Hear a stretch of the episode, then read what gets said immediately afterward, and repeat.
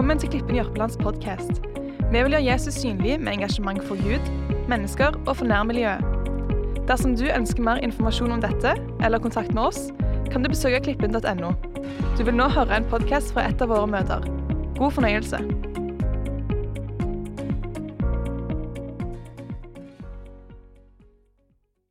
Jeg eh, er oppvokst her, for dere som ikke kjenner meg. Så eh, jeg heter Arvid Aasen. Mine foreldre sitter der og heter Martha og Torbjørn Aasen.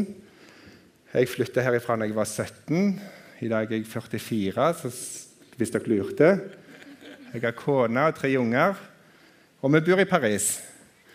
Og så er vi så heldige at vi får lov å bli støtta av dere som menighet med et misjonsarbeid i Paris som heter Jesus to Europe, som du sier. Her er det prinsesser, så det er bra. Eh, så tusen takk for at dere støtter oss, og tusen takk for at jeg får lov å komme her og snakke til dere i dag. Vi flytta til Paris for eh, seks og et år, fem og et halvt år siden. Snart seks år. Eh, og vi kom der og vi lurte litt på hva skal vi gjøre her, Gud. Og jeg begynte å skrive en lang visjon. Og eh, eh, så kom navnet Jesus to Europe. For det, vi hadde lyst til å ha Jesus i navnet, og vi hadde lyst til å ha Europa i navnet. Fordi at eh, misjon, da tenker vi ofte Afrika eller Asia eller Latin-Amerika. Alle de plassene er kjempebra, så ingenting imot det. bare så det er sagt. Men Europa er òg unådd, og derfor må vi ha fokus på det. Så satte vi navnet Jesus to Europe, og etterpå når vi hadde satt navnet og begynt å markedsføre det, så var det bare Å, Gud, hva har vi gjort? Jesus to Europe. Det er jo et fryktelig stort navn. Hvordan i all verden skal vi klare å, å gå i det? Eh, I dag så ser vi at denne appen som vi holder på å utvikle, den blir brukt rundt om i Europa allerede. Og det er ikke vår fortjeneste, det er Guds fortjeneste. Um, og, og um, den første versjonen, den som er nå på Google Play og, og Google eh, AppStore, den har jeg gjort mesteparten av sjøl.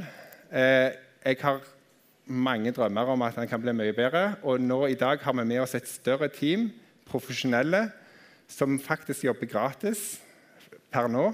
Og programmerer hele greia på nytt. Eh, legger det mer opp pedagogisk. Så om et halvt års tid så har vi en ny versjon som jeg tror blir kjempebra, for å si det enkelt. Selv om man er bra i dag, og folk har gitt tilbakemeldinger på at de har funnet Jesus gjennom appen, så tror vi at det skal bli bare enda bedre. Og menighet i dag er Ja, vi samles herrene, men du skal ha gått noen steg før du kommer her til. Eh, når, eh, utgangspunktet for appen Mitt utgangspunkt for appen var Jeg tenkte ikke vi skulle utvikle app i det hele tatt. Men så når jeg var på gata i Paris og evangeliserte for folk, og så sier de til meg 'Det du har, det vil jeg ha'. Hvor kan jeg finne det? Og så sier jeg ja, ja, men kom til den og den menigheten. Og da var det bare menighet. Aldri i livet. Jeg er oppvokst i noe religiøst greier. Jeg skal aldri sette mine bein i en menighet. Kan jeg ikke finne noe på Internett istedenfor? var spørsmålet. Og Da begynte jeg sjøl å lete på Internett, prøvde å finne ting.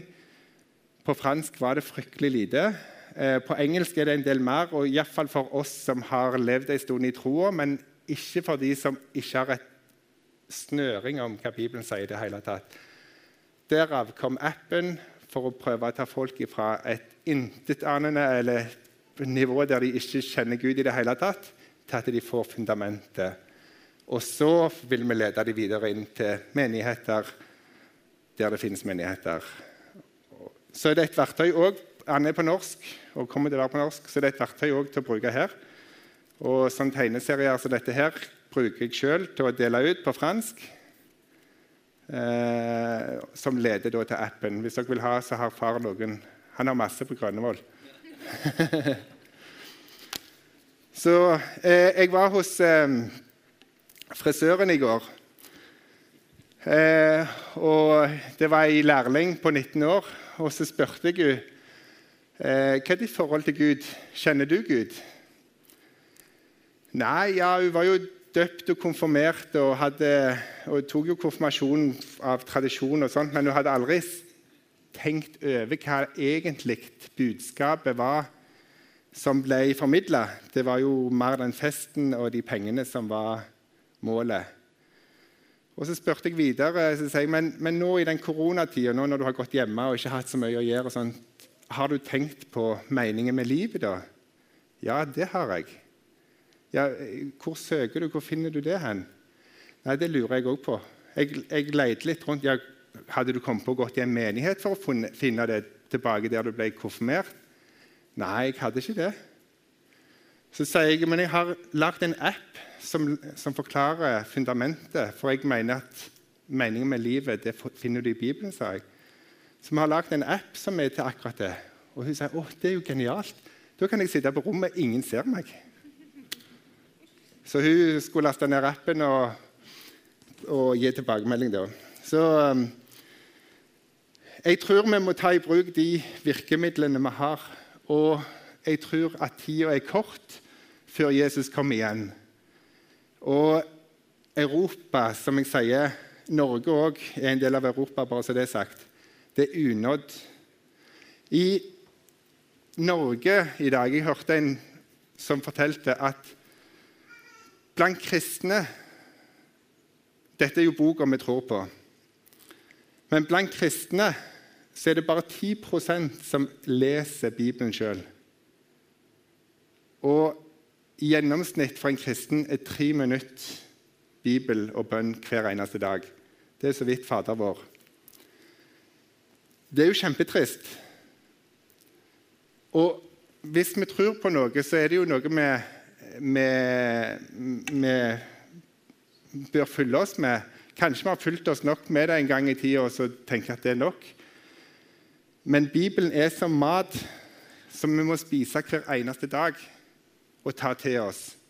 Så jeg, sånn, sånn, som nå når det er sommer og sol og fint vær Jeg håper det har vært sol og fint vær her. Så er det jo i fall, Da er det jo gjerne båtinteressen som er høyest. Og da leser en jo alt om alle båter og kan Jeg vet ikke, jeg, jeg tenker iallfall at jeg leser masse om båt. Så kan en alt om det Jeg har brukt mange timer på å sette seg inn i akkurat den båten eller de tingene. ikke sant? Og, og spør du om noe, så, så, kommer det på rams. Er det sånn med Bibelen blant oss? Jeg bare spør. Det er ingen fordømmelse, bare så det er sagt. Og det er ingen fordømmelse i Kristus Jesus for den som er i Kristus Jesus. Det må være helt klinkende klart. Men det må være også klart at for å holde oss nær til Kristus, så må vi bruke denne boka. Jeg fikk et litt utfordrende tema her i dag. Jeg sa ja til Geir å komme tilbake her til Jørpeland og dele med dere i dag. Og så spurte Gud Satt i bilen og kjørte alene, så sier Gud, hva vil du at jeg skal snakke om til denne gjengen, som kan så enormt mye, som er så velutdanna i, i Guds ord? Og så får jeg bare ett navn eller ord. Eller, og det var at du skal snakke om djevelen. Og jeg var Djevelen kunne du ikke gitt meg noe kjekkere. Det er jo liksom Har dere hørt en tale om djevelen før? Ikke jeg heller. Så jeg tenkte at det ble litt utfordrende. Jeg tror vi skal lande godt til slutt allikevel. Johannes 10.10 der sier Jesus eh, noe om tyven. Jeg kommer til å nevne en del bibelverser. Hvis dere, vi har ikke tid til å lese alt. Eh, så jeg kommer til å nevne dem. og Hvis dere noterer, så kan dere gjøre det. Så kan dere lese det når dere kommer hjem. Men Johannes 10,10 10 sier og det er Jesus som sier, tyven kom ikke for noe annet enn å stjele, drepe og ødelegge. Jeg er kommet for, ha, for at dere skal ha liv, og det i overflod. Altså Djevelen han kom for å stjele, myrde og ødelegge. Og Jesus han kom for å gi liv, og liv i overflod. Det er jo egentlig ganske enkelt hvis vi ser bare det verset der, og ser forskjellen på hva er djevelens verk, og hva er Guds verk. Og når jeg var i militæret som 20-åring, så lærte vi én ting som jeg har festa meg med, og i alle fall nå i seinere tid når vi er i Paris. Det er at eh, for å drive en god krig så må du vite hvordan fienden opererer. Hvis du ikke vet hvordan fienden opererer, og hvordan fienden angriper deg, så er du heller ikke i stand til å forsvare deg eller drive en god krig imot fienden. Vi kristne er i akkurat samme situasjon fordi at eh, vår kamp det står at vår kamp er ikke mot kjøtt og blod, men mot makter og myndigheter i dette himmelrommet. Og vi liker godt å snakke om Jesus og Gud og alle de gode tingene og det som gir oss litt godt i øret. Men det som er litt vanskelig, det lar vi gjerne være, fordi det, det blir utfordrende. Men utdanner vi oss ikke på det som hører djevelens rike til, så er vi gjerne ikke i stand til å stå imot djevelens listige angrep. For de kommer hele veien. Og blir du tydeligere og tydeligere med det som Gud har, så blir du iallfall angrepet mer og mer. Er det noen som kjenner seg igjen i det? Djevelen han er dessverre skapt av Gud. Han var i himmelen i Sekel 28 og Jesaja 14, så kan dere lese om, om det. Nå går jeg ikke inn og leser det, men der kan du lese om djevelen som var i himmelen. Og så sa han at 'jeg vil bli lik Gud'. 'Jeg vil sette meg opp på tinnfjellet. Jeg vil bli høyere enn den høyeste Gud'. Så han opphøyer seg sjøl i sitt hjerte. Og på grunn av hans Han var så vakker, står det. Han var eh, i, i, Edens hage så, så, kledde han seg i gull eh, og, og sølv og juveler. Og han var vakker. Og han ble stolt, og den stoltheten gjorde at han satte seg sjøl over Gud. Eh, det gjorde at Gud måtte da sende han ut av himmelen og ned i dødsriket. Og han tok med seg med sin hale. Det står i Johannes' åpenbaring eh, ca. 12, er ikke det? Ja, jeg hadde ikke skrevet det. Men i Johannes' åpenbaring kapittel 12 så står det at han med sin hale drog med seg en tredjedel av englene, eh, som i dag er demoner. Når djevelen har vært i himmelen og kjenner Guds rike så utrolig godt, tror du ikke da han vet veldig godt hvordan han skal angripe oss? Har dere tenkt på det? Han er ikke helt snøblind. Han er, ganske, han er ganske smart. Han bruker kunnskapen sin på å forføre oss, på å ta oss vekk fra fokuset på Gud. Og, og bare ett sånn eh, Det er ganske interessant å se eh, I dag, i samfunnet vårt i dag, så er det eh, Skolene de er lagd, har jeg hørt, av kristne i utgangspunktet. Og når de da underviste på skolen i begynnelsen, så var det denne læreboka de hadde.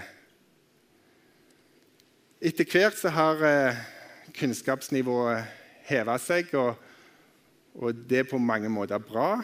På andre måter ikke så bra. Så har det sneket seg inn en lære som heter Darwins lære. Eh, den kjenner dere til. De lærer, lærer oss opp i å tro på at vi kommer fra apekattene og ja, dere kjenner det. eh, Big Bang og hele greia.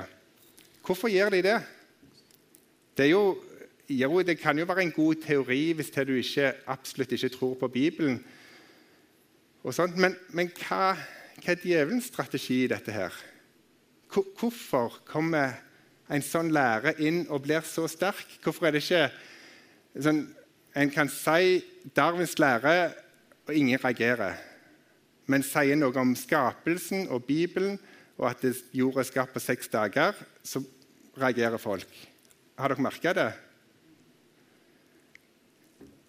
Du vet, Djevelen han kom for å stjele, myrde og ødelegge. Hvis han klarer å ta vekk første Mosebok, kapittel 1 så har han tatt hele grunnlaget for hele Bibelen. Da har han slått bein under hele den kristne tro.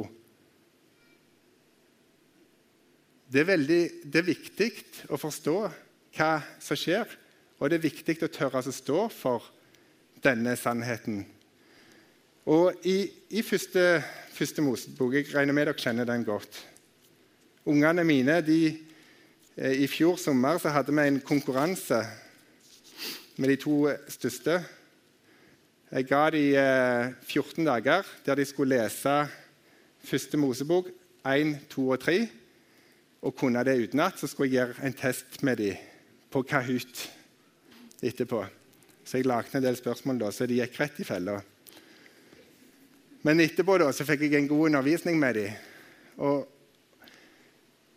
men det er jeg, jeg, må ærlig innrømme å si at eh, jeg tror at jorda er skapt på seks dager. Hadde Gud meint noe annet, så hadde han skrevet det. Det var ingen forskere der, det var ingen mennesker der. Det var ingen andre enn Gud der. Men Gud, han var der, og han har fått denne boka skrevet ned. Ja, nei, vi forstår ikke alt. Det er helt greit. Men vi må våge å tro det og stå for det. For det er en sannhet som verden trenger. Vi kan se allerede i eh, Sånn som jeg òg sa i, eh, om, om eh, djevelen som står i om Jesaja, der han opphever seg sjøl over Gud, så prøver han akkurat det samme i, eh, i kapittel 3. Når han eh, eh, dere, kjenner, historien, alle sammen om Adam og Eva, hvordan de ble ført, hvordan de spiste av frukten. Jeg håper det. Hvis det ikke, så går dere hjem og leser. Men i alle fall Jeg kan lese kapittel 3, 1-7. Slangen, som da er djevelen, var listigere enn noe annet dyr som Herren hadde gjort på marken.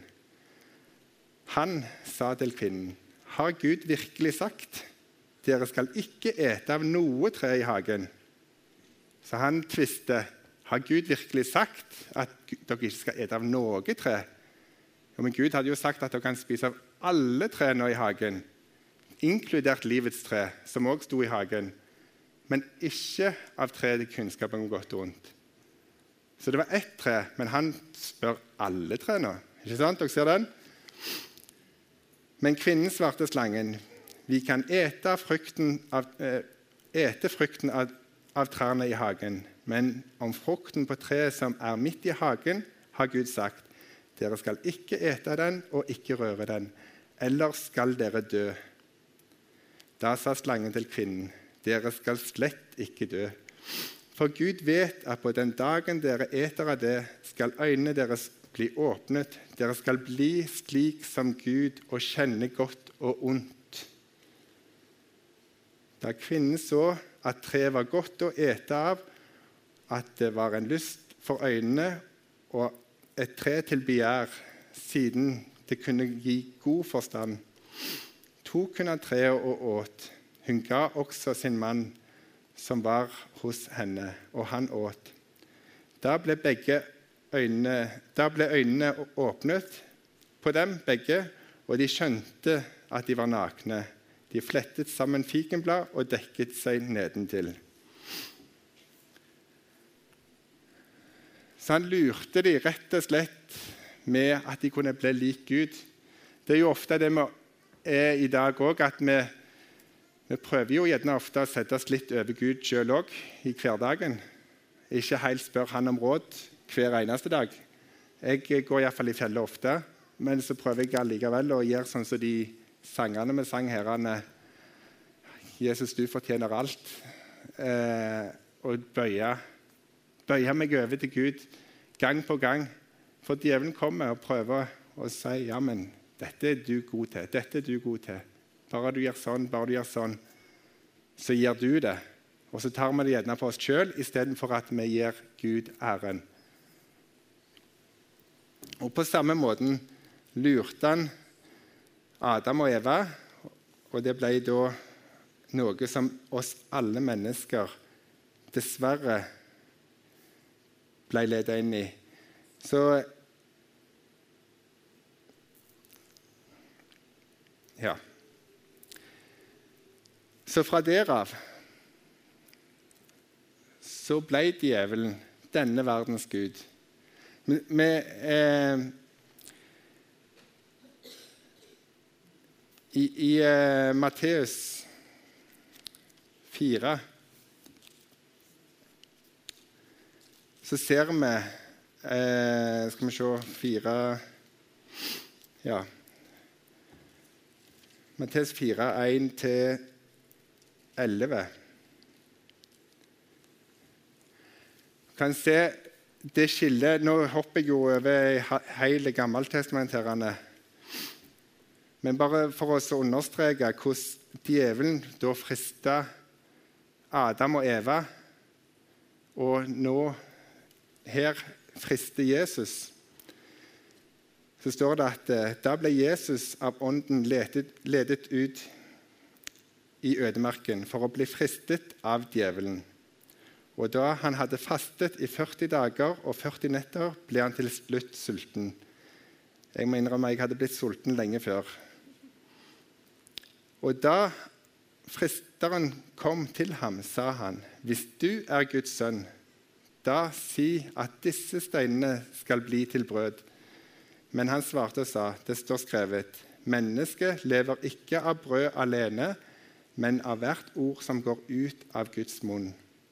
Da tok djevelen han opp, høyt, eh, eh, opp til den hellige stad, stilte ham på tempels tinde og sa til ham.: Hvis du er Guds sønn, så kast deg ned, for det står skrevet:" Han skal gi sine engler befaling om deg, og på sine hender skal han bære deg så du ikke støter din fot mot noe stein.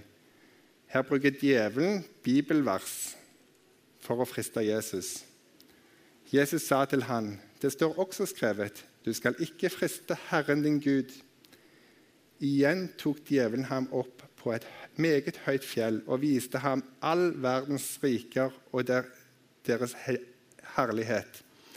Og han sa til ham, Alt dette vil jeg gi deg hvis du faller ned og tilber meg.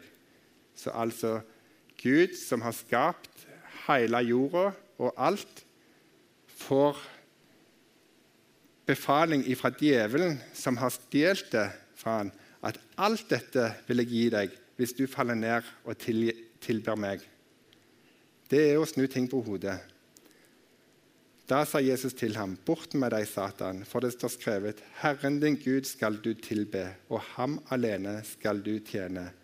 Da forlot djevelen ham, og se, englene kom og tjente ham. Er det er noen som har opplevd at en blir frista av djevelen? Mange ganger. Ja. Som kristne så tenker jeg det er utrolig viktig å vite djevelens makt og måter å lure oss på, og hvilken kontroll han har på både Bibelen og hva vi egentlig skulle hatt gjort. Så når vi, når, hvis vi hører Guds stemme og tenker at nå skulle vi hatt gjort det eller det, eller det, og så etterpå så, så gjør vi det gjerne ikke, og så kommer djevelen etterpå og så anklager han og sier ja, men du gjorde ikke. Du er ikke god nok, du. du ikke sant? Trykker deg ned. Det er djevelen som kommer med de tankene. Det er ikke Gud som kommer med de tankene. Gud kommer om igjen og om igjen og om igjen og rekker ut hendene og sier, 'Kom'. Kom. Hele veien gjør han det. Han slutter aldri. Og Hvis vi tror at han slutter, så er det bare djevelen som lurer oss til å tenke at han slutter. Jeg har hørt mange si, og jeg har nesten sagt, jeg har sagt det i meg sjøl òg noen ganger, at ja, men jeg er ikke god nok til det. Nei, men Det er ikke det det kommer an på. Han er god nok. Han har frelst oss. Han har satt oss fri. Han har vunnet seieren over djevelen. Men vi må være klar over hva kamp det er. For vi kan sette på oss den og så tenke at eh, for meg er korset nok. Og det er det absolutt. Men hvis vi glemmer at det er en kamp mot kjøtt og blod, så blir vi lurt til sides. Og eh, i, i eh, Markus 4 så står det om såmannen. Jesus gir en eh, lignelse om såmannen. I vers 2-9 leser vi først. Så underviste han den, dem mye i lignelser og la fram sin lære for dem. Hør, se, en såmann gikk ut for å så. Og det hendte da han sådde, at noe av såkornet falt ved veien, og himmelens fugler kom og spiste det opp. Noe annet falt på steingrunn, hvor det ikke var så mye jord. Det spirte snart, og, snart opp, og siden det ikke hadde noe dyp jord eh, Siden det ikke hadde dyp jord, ja. Men da solen steg, ble det avsvidd, og siden det ikke hadde rot, visnet det bort. Og noe falt blant torner, og tornene vokste opp og kvalte det og det ga ingen avling. Men noe falt i god jord. Det spirte fram, vokste og ga frukt. Noe 30-fold, noe 60-fold, noe 100-fold. Og han sa til dem, Den som har ører å høre med, han må høre. Så er vi så heldige at Disiplene heller ikke forsto denne lignelsen, så de spurte han om forklaring. Så Derfor forklarer Jesus denne lignelsen fra vers 14 så, såmannens ord. Eh, og, dis, eh, og, disse er Jeg begynner på nytt. Såmannen sår ordet. Og disse er de ved veien hvor ordet blir sådd. Når de hører, kommer Satan straks og tar bort ordet som ble sådd i deres hjerte. På samme måte er det med dem som blir sådd på steingrunn. Når de hører ordet, tar de straks imot det med glede. Men det har ingen rot i seg, og derfor holder de bare ut en tid. Senere, når, de kommer, når det kommer trengsel og forfølgelse for ordets skyld, tar de straks anstøt. Andre er de som blir sådd blant torner. De er slik som hører ordet, men denne verdens bekymringer, rikdom, bedrag og lyster etter alt annet kommer inn og kveler ordet, og det blir uten frukt. Men de, de som blir sådd i god jord, er de som hører ordet, tar imot det og bærer frukt. Noen 30-fold, noen 60-fold og noen 100-fold. Det er til oss kristne. Jesus han er den såmannen som har sådd ut ordet i vårt hjerte. Og jorda er inni her. Jeg vet ikke om det er noen bønder her, men jeg har inntrykk av at når de kjører over med plogen, så kommer det alltid opp stein på et jorde. Samme hvor mange ganger du har kjørt over det jordet der og plukket ufattelig mange steiner, så kommer det alltid opp stein. Jeg vet ikke, Er det noen bønder her som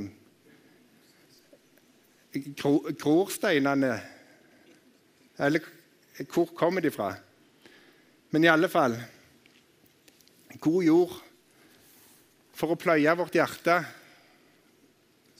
og lese Bibelen, bruke tid med Gud, så pløyer en hjertet. Så gir en et godt grobunn for Guds ord i, vår, i, vår, i vårt hjerte. Og det er der vi må være. Og vi lever, som jeg sa innledningsvis, i utfordrende tider. Jeg, vil påstå, jeg vil våge påstå at vi lever i de aller siste tider. Når jeg vokste opp, så var det brennende forkynnelse på at Jesus kom igjen i, gjerne i løpet av natta. Jeg gikk hjem og jeg ba under dyna og sa Gud, la meg nå iallfall få lappen før du kom igjen. For jeg hadde så lyst til å få lappen. Og Seinere fikk jeg lappen, og da ba jeg om Gud la meg nå iallfall få bli gift.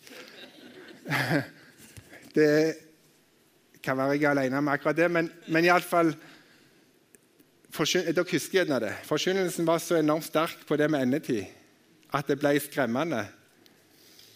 Og i dag tør vi nesten ikke å nevne det, fordi eh, vi har sår fra den tida det ble snakket om. Og, og begynner vi å nevne på det, så kommer piggene ut. Ja, men oi, nå toucher vi borti noe som er farlig. Men hør, folkens. Vi har himmelen i vente. Vi har himmelen i vente. Dette, jeg, har, jeg, kjenner ingen Jeg har ikke hørt om noen i historien som, er, eh, som har overlevd dette livet.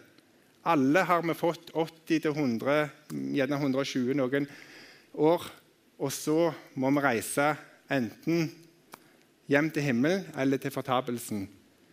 Det er vårt utgangspunkt. Og jeg må ærlig innrømme og si at det, det skal bli litt godt òg Er det feil å si det? Når denne jordas tid er over. For jeg tenker når jeg ser på denne verden, ønsker jeg egentlig de unge å vokse opp i dette her. Jeg håper så veldig gjerne at de i alle fall får Gud på innsida, at de iallfall får bli kjent med Skaperen. For om de ikke gjør det, så vet vi jo at ja, men da har de jo ikke håp. De er uten håp i livet. Det er kjempetrist. Kjempetragisk. Så på ene sida gleder jeg meg, på andre sida så er jeg veldig eh, naiv og, og annig på at ja, men Gud, vi må vinne mennesket for ditt rike. For det kommer ei tid der han kommer og høster inn. Der han tar oss hjem. Og der vil jeg være med. Men jeg vil ha så enormt mange flere med. Jesus eh, sier i Matteus 24 Jesus han sier enormt mye bra, altså. Har tenkt på det? Ja, men det er, det er utfordrende å snakke om, om tidens ende. Men har, i dag har vi på en måte eh, når jeg vokste opp, som jeg sa, så hadde vi dommedagsprofetene fra talerstolen i menighetene. I dag er gjerne dommedagsprofetene miljøfolka, de grønne. De, jeg vet ikke, men jeg tenker at de ser noe som de ikke helt vet hva er. Ja, jeg tror at ting er i ubalanse. Ja, jeg tror at ting begynner å shake litt. Men det står jo faktisk skrevet at alt dette må skje, så skal enden komme. Så vi skal ikke være redde for alt dette. her. Jo, vi skal eh, vi, holdt på å si, vi må spørre Gud om visdom. Hvordan eh, snakke til de her folka? Hvordan eh, vise de Gud oppi dette her, og Guds plan? For, for vi, kan ikke, vi kan ikke snu på det som er profetert. Vi, vi kan ikke endre profetiene. Jesus kom igjen. Sånn er det. Når? Ja, det vet ingen. Til og med Jesus sa at det vet, visste ikke han. Bare Gud, Far i himmelen, vet. Så den dagen kommer. Men, men, eh, men fram til det så skal vi holde fast på det ordet som er skrevet. Og det kan vi vise andre òg, som faktisk ser dette her og blir redde pga. dette. her. Så kan vi vise dem ja, men faktisk dette står skrevet. Uten en fordømmende eller uten en Ja, det er mange måter å gjøre det på. Men en god samtale, en ydmyk samtale med å spørre hva han tror og hva han tenker, og hvordan han ser, kan føre mennesket til evig liv. Og jeg tror at miljøaktivistene i denne verden er gjerne de som er nærmest Gud til tider. For de ser, de virkelig ser et eller annet. Og de våkner. Eh, I i eh, Matteus 24 Tida går, vet du, så jeg eh, kunne holdt på lenge. Men uh, uansett 24 Les det hjemme. Men jeg vil uansett lese versene fra 9 til 14. Da skal de utsette dere for trengsler og drepe dere. Og der, oi, oi, oi, det var jo fint vers å begynne på. Det gjelder om å stå fast i Guds ord, sånn at dere virkelig står for Jesus når, når dette skjer. Og dere skal bli hatet av alle folkeslag og for mitt navns skyld. Og da skal mange ta anstøt, og de skal angi hverandre og hate hverandre. Mange profeter skal stå fram og forføre mange.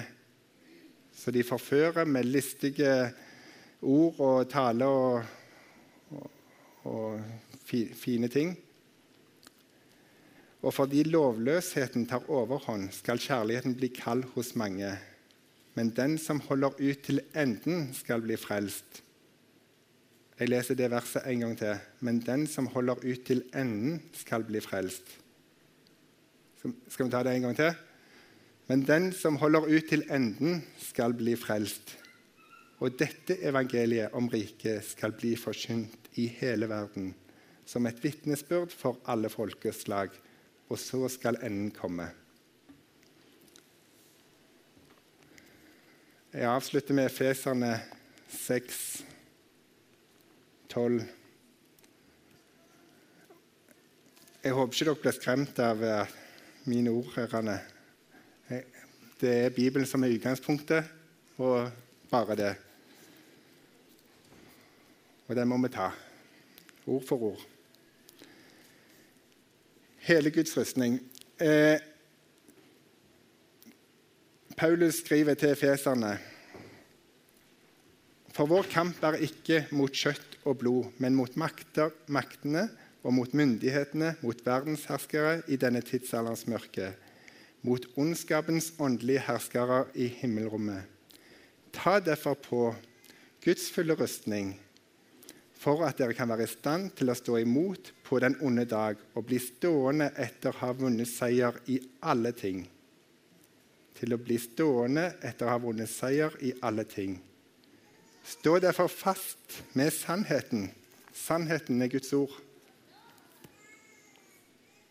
Ombundet om livet iført rettferdighetens brynje og ombundet på føttene med beredskap til kamp som fredens evangelium gir.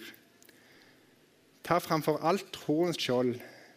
Med det er dere i stand til å slukke alle de brennende pilene fra den onde, og ta frelsens hjelm og åndens sverd, som er Guds ord. Og be alltid, med all bønn og påkallelse i ånden, og slik skal dere være våkne med all utholdenhet og påkallelse for alle de hellige. Amen. Det var Jeg håper dere får, har noe igjen for, for det. Jeg kjente at jeg måtte være lydig når, selv om Gud sa at skal, du skal preke om djevelen. Eh, men det er utrolig viktig. Og jeg, jeg vet ikke, jeg kjenner dere jo ikke alle her. Selv om jeg kommer herfra, så kjenner jeg dere ikke. Det er jo godt å se at jeg ikke kjenner alle ansiktene. Hatt det nye. Men er alle Har, har du eh, tatt imot Jesus i ditt hjerte? Er Jesus din herre i ditt liv? Hvis han ikke er det, så utfordrer jeg deg på å gjøre noe med det akkurat nå. At du sier ja i ditt hjerte. Det handler ikke om ei hånd opp, det handler ikke om en aktivitet. Det handler om en tro, at du bekjenner Herren Jesus i ditt hjerte. Ja, det står at videre etter der så bekjenner du for noen når du går dåpens vei og blir døpt og ilagt Kristus. Så har du heller ikke døpt deg, så er det faktisk utrolig viktig, det òg. Bare så det er sagt. Men har, har, du ikke din sak i orden med Gud, så gir noe med det nå i dag. Jeg utfordrer deg på det. Ta imot. Si, 'Jesus, jeg ber om at du skal være herre i mitt liv'. Og så Fra derav så blir det en vandring i lag med Gud. Du blir ikke verdensmester den første dagen, ikke den andre dagen, ikke etter 44 år heller. Men en vandrer stadig vekk med Gud og lærer nye ting hele veien. Og det er et fantastisk liv.